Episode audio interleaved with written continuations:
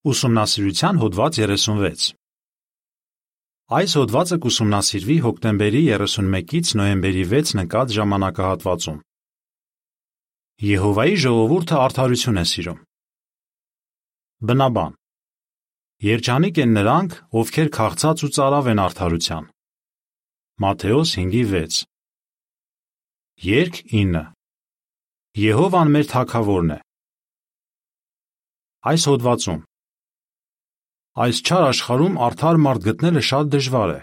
սակայն միլիոնավոր մարդիկ այսօր ապրում են Աստծո արդար չափանիշներով։ Մենք ձգտում ենք այդպես ապրել, քանի որ սիրում ենք Եհովային։ Իսկ Եհովան արդարություն է սիրում։ Ինչ կարող ենք անել, որ ավելի շատ սիրենք այս գեղեցիկ հատկությունը։ Հոդվածից կիմանանք, թե ինչ է արդարությունը եւ ինչ օգուտներ կքաղենք, եթե սիրենք այն։ Նաև կտեսնենք, թե որ քայլերը կօգնեն մեզ ավելի շատ սիրել այդ հատկությունը։ Բարբերություն 1 Հարց. Ինչ փորձության բախվեց Հովսեփը եւ ինչպես վարվեց։ Հակոբի որդի Հովսեփը բախվեց մի լուրջ փորձության։ Նրա տիրոջ Պետապրեսի կինը նրան ասաց. «Պարկիր ինձ հետ»։ Հովսեփը մերժեց այդ առաջարկը։ Ոմանք գուցե մտածեն.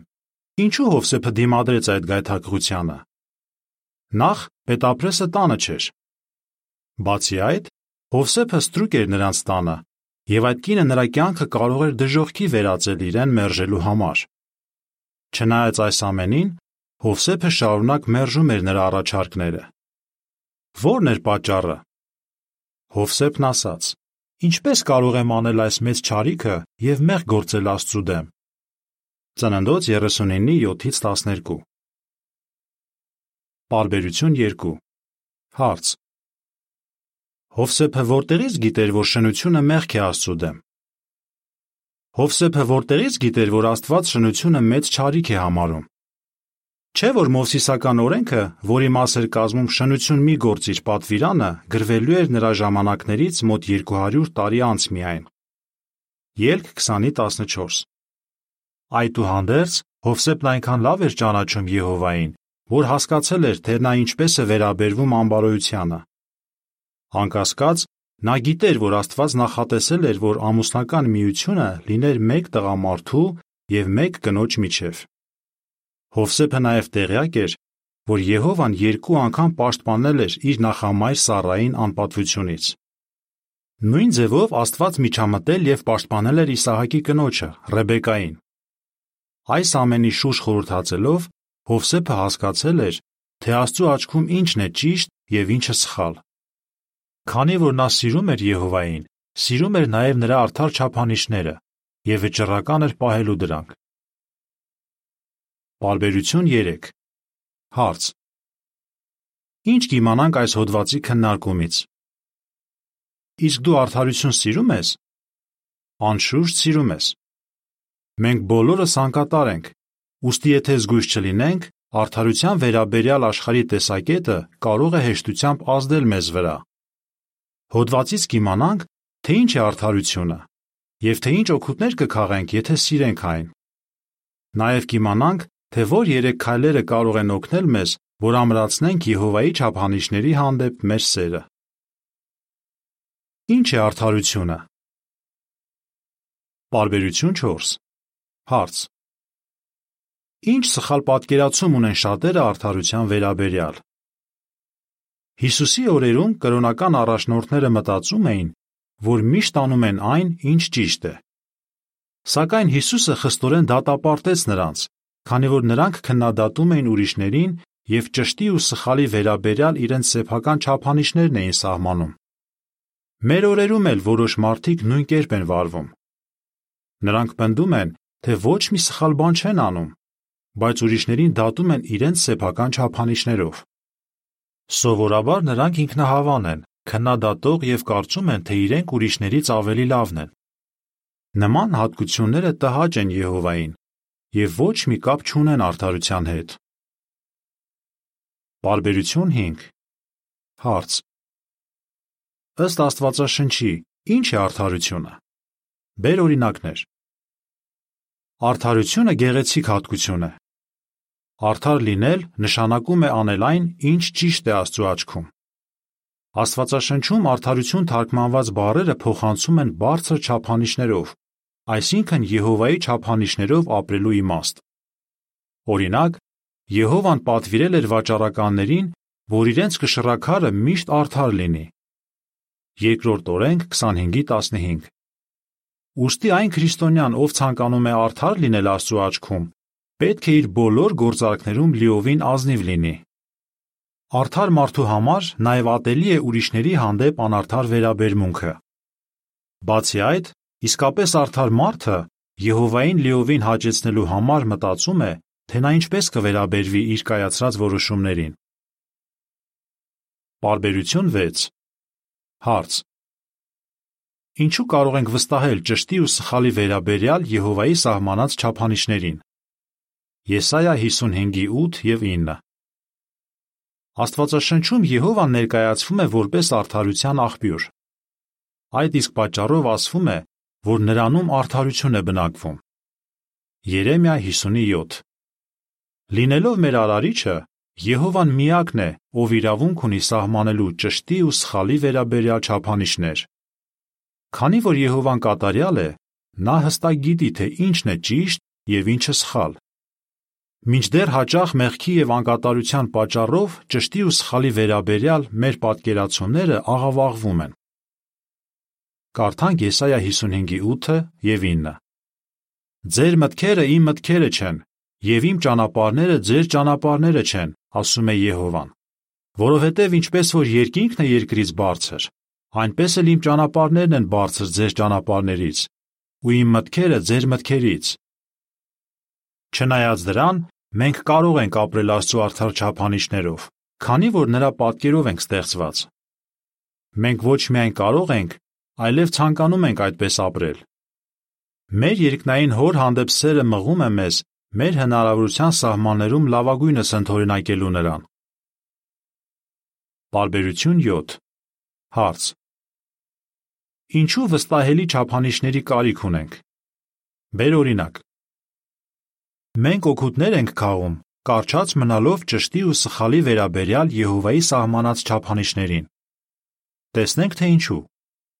Պատկերացրու ինչ կլիներ, եթե յուրաքանչյուր բանկ ունենար արտարժույթի փոխարժեքը սահմանելու իր չափանիշները։ Կամ եթե յուրաքանչյուր շինարարական ընկերություն սահմաներ սեփական չափման միավորները արդյունքում քաոս կտիրեր։ Իսկ ինչ կլիներ, եթե բժշկական անձնակազմը չհետևեր բուժօգնություն ցուցաբերելու վերաբերյալ կոնկրետ չափանիշների։ Այդ դեպքում որոշ հիվանդներ գուցե մահանային։ Իրոք որ վստահելի չափանիշները պաշտպանություն են։ Նմանապես ճշտի ու սխալի վերաբերյալ Աստծո սահմանած չափանիշները պաշտպանություն են մեզ համար։ Բարբերություն 8 Հարց. Ինչ օրհնություններ են սպասում նրանց, ովքեր արդարություն են սիրում։ Եհովան օրհնում է նրանց, ովքեր ձգտում են ապրել իր չափանիշներով։ Նա խոստանում է. Արթարները կժառանգեն երկիրը եւ հավիտյան կբնակվեն նրա վրա։ Սաղմոս 37:29 Պատկերացնում ես, որքան խաղաղ, միասնական ու երջանիկ կլինի մարդկությունը, երբ բոլորը ապրեն Եհովայի սահմանած չափանիշներով։ Եհովան ցանկանում է, որ դու հենց այդպիսի աշխարհում ապրես։ Այո, մենք բոլորս հիմնավոր պատճառներ ունենք սիրելու արդարությունը։ Իսկ ինչպես կարող ենք խորացնել այդ սերը։ Տեսնենք, թե որ երեք քայլերը կօգնեն մեզ այդ հարցում։ Խորացրու սերդ Եհովայի սահմանած չափանիշների հանդեպ։ Բարբերություն 9 Հարց. Ինչը կօգնի մեզ արդարություն սիրել։ Քայլ առաջին։ Սիրիր այն անznավորությունը, ով սահմանել է ճշտի ու սխալի վերաբերյալ չափանիշները։ Արդարություն սիրելու համար նախ պետք է խորացնենք մեր սերը Եհովայի հանդեպ, ով սահմանել է, թե ինչն է ճիշտ եւ ինչը սխալ։ Որքան շատ սիրենք նրան, այնքան ավելի մեծ ցանկություն կունենանք ապրելու նրա արդար չափանիշների համաձայն։ Եթե Ադամն ու Եվան սիրեին Եհովային, երբեք չէին խախտի նրա տված արդար օրենքը։ Բարբերություն 10 Հարց. Ինչ արեց Աբ รา համը, որ ավելի լավ հասկանա Եհովայի մտածելակերպը։ Ինչ խոսք, մենք չենք ցանկանում կրկնել Ադամի ու Եվայի սխալը։ Դրա համար պետք է շարունակենք սովորել Եհովայի մասին, գնահատենք նրա հատկությունները եւ ձգտենք հասկանալ նրա մտածելակերպը։ Արդյունքում Եհովայի հանդեպ մեր սերը կաճի։ Քննենք Աբ รา համի օրինակը։ Նա իսկապես սիրում էր Եհովային, եւ նույնիսկ երբ դժվարանում էր հասկանալ նրա որոշումները, չէր ըմբոստանում, այլ փորձում էր ավելի լավ ճանաչել նրան։ Օրինակ, Երբ Աբ รา համը իմացավ, որ Եհովան որոշել է կործանել Սոդոմ եւ Գոմոր քաղաքները, սկզբում վախեցավ, որ ողջ երկրի դատավորը արթարներին չարերի հետ կկործանի։ Բայց նա չէր կարողանում համակերպվել այդ մտքի հետ։ Ոստի խոնարհաբար սկսեց հարցեր տալ Եհովային։ Եհովան էլ համբերատար կերպով պատասխանեց նրա հարցերին։ Ի վերջո Աբ รา համը հասկացավ, որ Աստված քննում է յուրաքանչյուրի սիրտը եւ երբեք անմեղ մարդուն մեղավորի հետ չի պատժում։ Բարբերություն 11 Հարց. Աբ รา համն ինչպես ցույց տվեց, որ սիրում ու վստահում է Եհովային։ Աբրահամի վրա մեծ ազդեցություն թողեց Եհովայի հետ զրույցը։ Անկասկած նա սկսեց ավելի շատ սիրել ու հարգել իր հորը։ Տարիներ անց Եհովայի հանդեպ նրա վստահությունը մեծ փորձության ենթարկվեց։ Եհովան պատվիրեց Աբրահամին, որ զոհի իր սիրելի որդուն՝ Իսահակին։ Սակայն այս անգամ Աբրահամը հարցեր չտվեց, քանի որ ավելի լավ էր ճանաչում իր Աստծուն։ Նա պարզապես սկսեց անել այն, ինչ Եհովան էր ասել իրեն։ Բայց ամենայն հավանականությամբ նրա ներսը տակնու վրա էր լինում, երբ պատրաստվում էր կատարել Եհովայի հանձնարարությունը։ Թերևս Աբ รา համը խորությամբ մտածում էր, թե մինչ այդ ինչեր է սովորել Եհովայի մասին։ Օրինակ, նա գիտեր, որ Եհովան երբեք անարդարացի կամ դաժանորեն չի վարվի։ Պողոս Արաքյալի խոսքերից տեսնում ենք, որ Աբ รา համը տրամաբանել ու եկել էր այն եզրահանգման, որ Եհովան կարող է հարություն տալ իր թանկագին որդուն Իսահակին։ Չէ՞ որ Եհովան խոստացել էր, որ Իսահակից մի ազգ է առաջ բերելու։ Իսկ այդ պահին Իսահակը դեռ երեխաներ չուներ։ Աբ รา համը սիրում էր իր հորը Եհովային, ուստի համոզված էր, որ նա արդարությամբ կվարվի։ Հավատ դրսևորելով Աբ รา համը հնազանդվեց, թեև հեշտ չէր այդպես վարվել։ Բարբերություն 12 Հարց. Ինչպես կարող ենք ընդօրինակել Աբ รา համին։ Սաղմոս 73:28 Ինչպես կարող ենք ընդօրինակել Աբ รา համին։ Նրա նման մենք պետք է շարունակ սովորենք Եհովայի մասին։ Այդպես մենք ավելի կմտերմանանք նրա հետ եւ ավելի շատ կսիրենք նրան։ Կարդանք Սաղմոս 73:28-ը։ Բայց ինձ համար բարի է Աստծուն մոտենալը։ Գերիշխան Տեր Եհովային իմ ապավենն եմ դարձրել, որպեսի հրճակեմ նրա բոլոր գործերի մասին։ Բացի այդ, կմարզենք մեր խիղճը, եւ այն կարտացոլի Աստծո մտածելակերպը։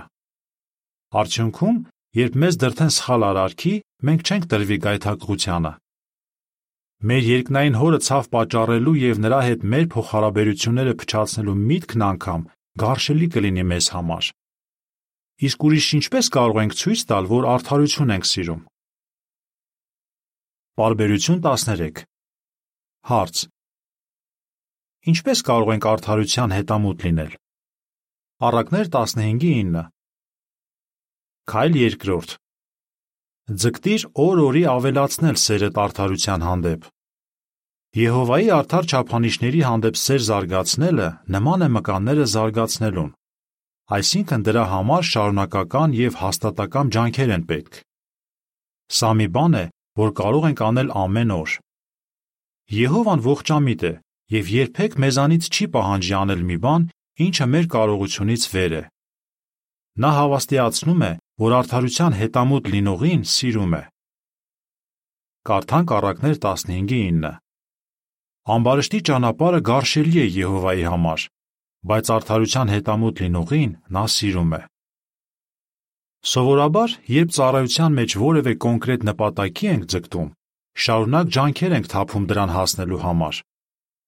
Նույնն է պարագան արդարության հետամուտ լինելու դեպքում։ Եթե այդպես վարվենք, Եհովան համբերատարությամբ կօգնի մեզ բարելավել եւ շարունակ առաջադիմել։ Բարբերություն 14 Հարց. Ինչ է արդարության զրահը եւ ինչու է այն անհրաժեշտ։ Եհովան սիրառատ կերպով հիշեցնում է, որ իր արդար չափանիշներին հետևելը ծանր չէ։ Ավելին, դա պաշտպանություն է, որի կարիքը ամեն օր ունենք։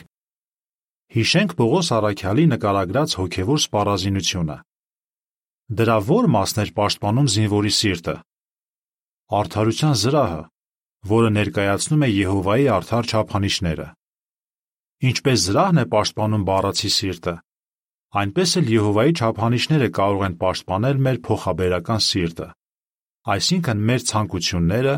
զգացմունքներն ու մտքերը։ Ահա թե ինչու է այդքան կարևոր, որ քո հոգևոր սպառազինության մեջ լինի արդարության զրահը։ Բարբերություն 15 Հարց. Ինչպես կարող ես հագնել արդարության զրահը։ Ինչպես կարող ես հագնել արդարության զրահը։ Դա կարող ես անել, եթե քո ամենօրյա որոշումներում հաշվի առնես Եհովայի չափանիշները։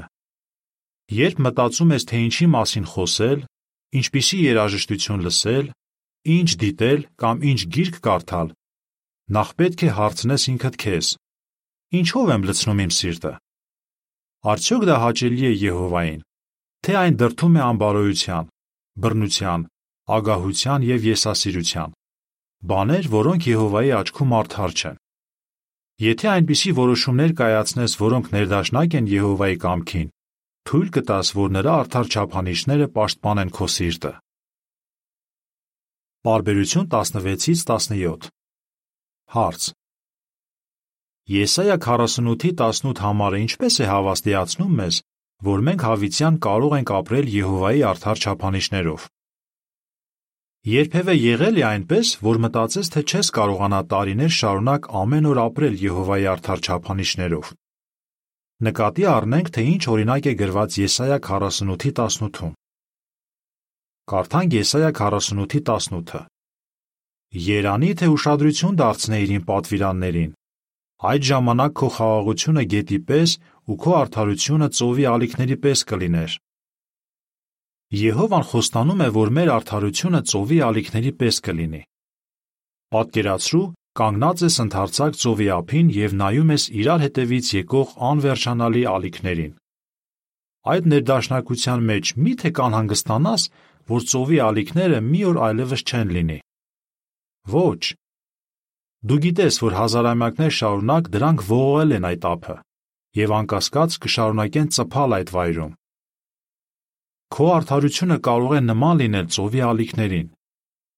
Ինչպես։ Երբ որոշման առաջ ես կանգնում, նախ մտածիր, թե Եհովան ինչ է ուզում որ անես։ Հետո վարվիր նրա կամքի համաձայն։ Որքան էլ դժվար որոշման առաջ կանգնես, քո սիրառատ հայրը միշտ քո կողքին կլինի եւ կօգնի, որ հաստատուն ու անսասան մնաս եւ ամեն օր ապրես նրա արդար չափանիշների համաձայն։ Նկար։ Բարբերություն 16-ից 17։ Նկարի մակագրություն։ Քո արդարությունը կարող է ծովի ալիքների պես լինել։ Բարբերություն 18։ Հարց. Ինչու պետք է խուսափենք մարդկանց մեր սեփական չափանիշներով դատելուց։ Քայլ 3. Թող Եհովան դատի,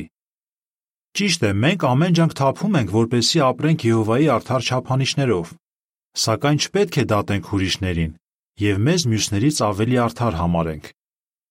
Մենք չպետք է մտածենք, թե իրավունք ունենք դատելու մարդկանց մեր սեփական չափանիշներով, այլ պետք է հիշենք, որ Եհովան է ողջ երկրի դատավորը։ Ծննդոց 18:25 Նա մեզ նման իրավասություն չի տվել։ Ավելին, Հիսուսը պատվիրել է. Մի դատեք, որ չդատվեք։ Մատթեոս 7:1 Ծանոթագրություն Երբեմն ժողովում լուրջ մեղքի եւ զղջման հետ կապված հարցեր են առաջանում, եւ անհրաժեշտ է լինում, որ երեցները դատեն։ Այնուամենայնիվ, նրանք խոնարհաբար ընդունում են, որ չեն կարող սրտեր կարդալ, եւ որ իրենք դատում են Եհովայի համար։ Երեցները ընդօրինակում են Եհովային եւ դատելիս ամեն կերպ ձգտում են դրսևորել ողջամտություն, ողորմածություն եւ արդարություն։ Ծանոթագրության ավարտ։ Բարբերություն 19 Հարց. Հովսեփն ինչպես ցույց տվեց, որ վստահում է Եհովայի դատավճիռներին։ Եկեք նորից անդրադառնանք Հովսեփի օրինակին։ Լինելով արդար մարդ, նա չէր դատում ուրիշներին, նույնիսկ նրանց, ովքեր իր հետ վատ էին վարվում։ Նրա հարազատ եղբայրները հարձակվեցին նրա վրա, ստրկության վաճառեցին եւ իրենց հորը խափեցին ասելով, թե Հովսեփը մեռած է։ Տարիներ անց Հովսեփը միավորվեց իր ընտանիքի հետ Այդ ժամանակ նա հզոր կառավարիչ էր եւ կարող էր խստորեն դատել իր եղբայրներին ու վրեժ լուծել նրանցից։ Վերջիններս վախենում էին, որ նա հենց այդպես էլ կվարվի, թեև անկեղծորեն զղջացել էին իրենց արածի համար։ Սակայն Հովսեփը հետևյալն ասաց նրանց. Մի վախեցեք, միթե ես Աստված եմ։ Ծննդոց 50-ի 15-ից 21 Նա խոնարհաբար ընդունեց, որ միայն Եհովան իրավունք ունի դատելու իր եղբայրներին։ Բարբերություն 20-ից 21 Հարց. Ինչպես կարող ենք խուսափել ինքներս մեզ մյուսներից ավելի արդար համարելուց։ Հովսեփի պես մենք էլ ենք դատը հանձնում Եհովային։ Օրինակ, մենք ենթադրություններ չենք անում այն մասին, թե ինչու մեր հավատակիցը այս կամ այն կերպ վարվեց։ Մենք չենք կարող սրտեր կարդալ։ Միայն Եհովան է քննում մարդկանց մղումները։ Նա սիրում է ամեն տեսակ մարդկանց, անկախ նրանց ծագումից ու մշակույթից, եւ հորդորում է մեզ, որ ընդլայնենք մեր սրտերը։ Երկրորդ Կորինթացիներ 6:13 Մենք ձգտում ենք սիրել մեր հոգևոր ընտանիքի բոլոր անդամներին եւ խուսափում ենք նրանց դատելուց։ Մենք չպետք է դատենք նաեւ նրանց, ովքեր մեր հավատակիցները չեն։ Կդատեիր այն հարազատիդ, ով չի կիսում քո հավատը ասելով.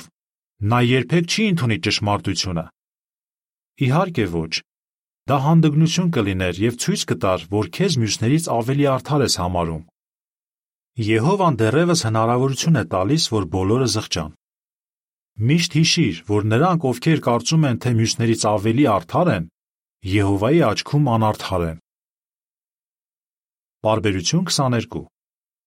Հարց. Ինչու ես վճռել սիրել արդարությունը։ Թող որ Եհովայի արդար չափանիշների հանդեպ սերը ուրախություն բերի մեզ եւ մղի մյուսներին մտերմանալու մեր արարչի ու մեզ հետ։ Թող որ միշտ քաղցած ու ծարավ լինենք արդարության։ Մատթեոս 5:6 Համոզված եղիր, որ Եհովան նկատում է ճիշտն անելու համար քո թափած ջանքերը եւ ուրախանում է տեսնելով քո առաջադիմությունը։ Այս աշխարհը գնալով ավելի է մխրճվում անարդարության ճահճի մեջ, սակայն մի հուսահատվիր։ Միշտ հիշիր, որ Եհովան սիրում է արդարներին։ Սաղմոս 146:8 Կրկնության հարցեր Ինչ կպատասխանես Ինչ է արդարությունը Ինչ օգուտներ ենք ստանում կիրառելով Եհովայի արդար չափանիշները Ինչպես կարող ենք խորացնել մեր սերը Եհովայի արդար չափանիշների հանդեպ։ Երկ 139 Տես քեզ նոր աշխարհում Հոդվացի ավարտ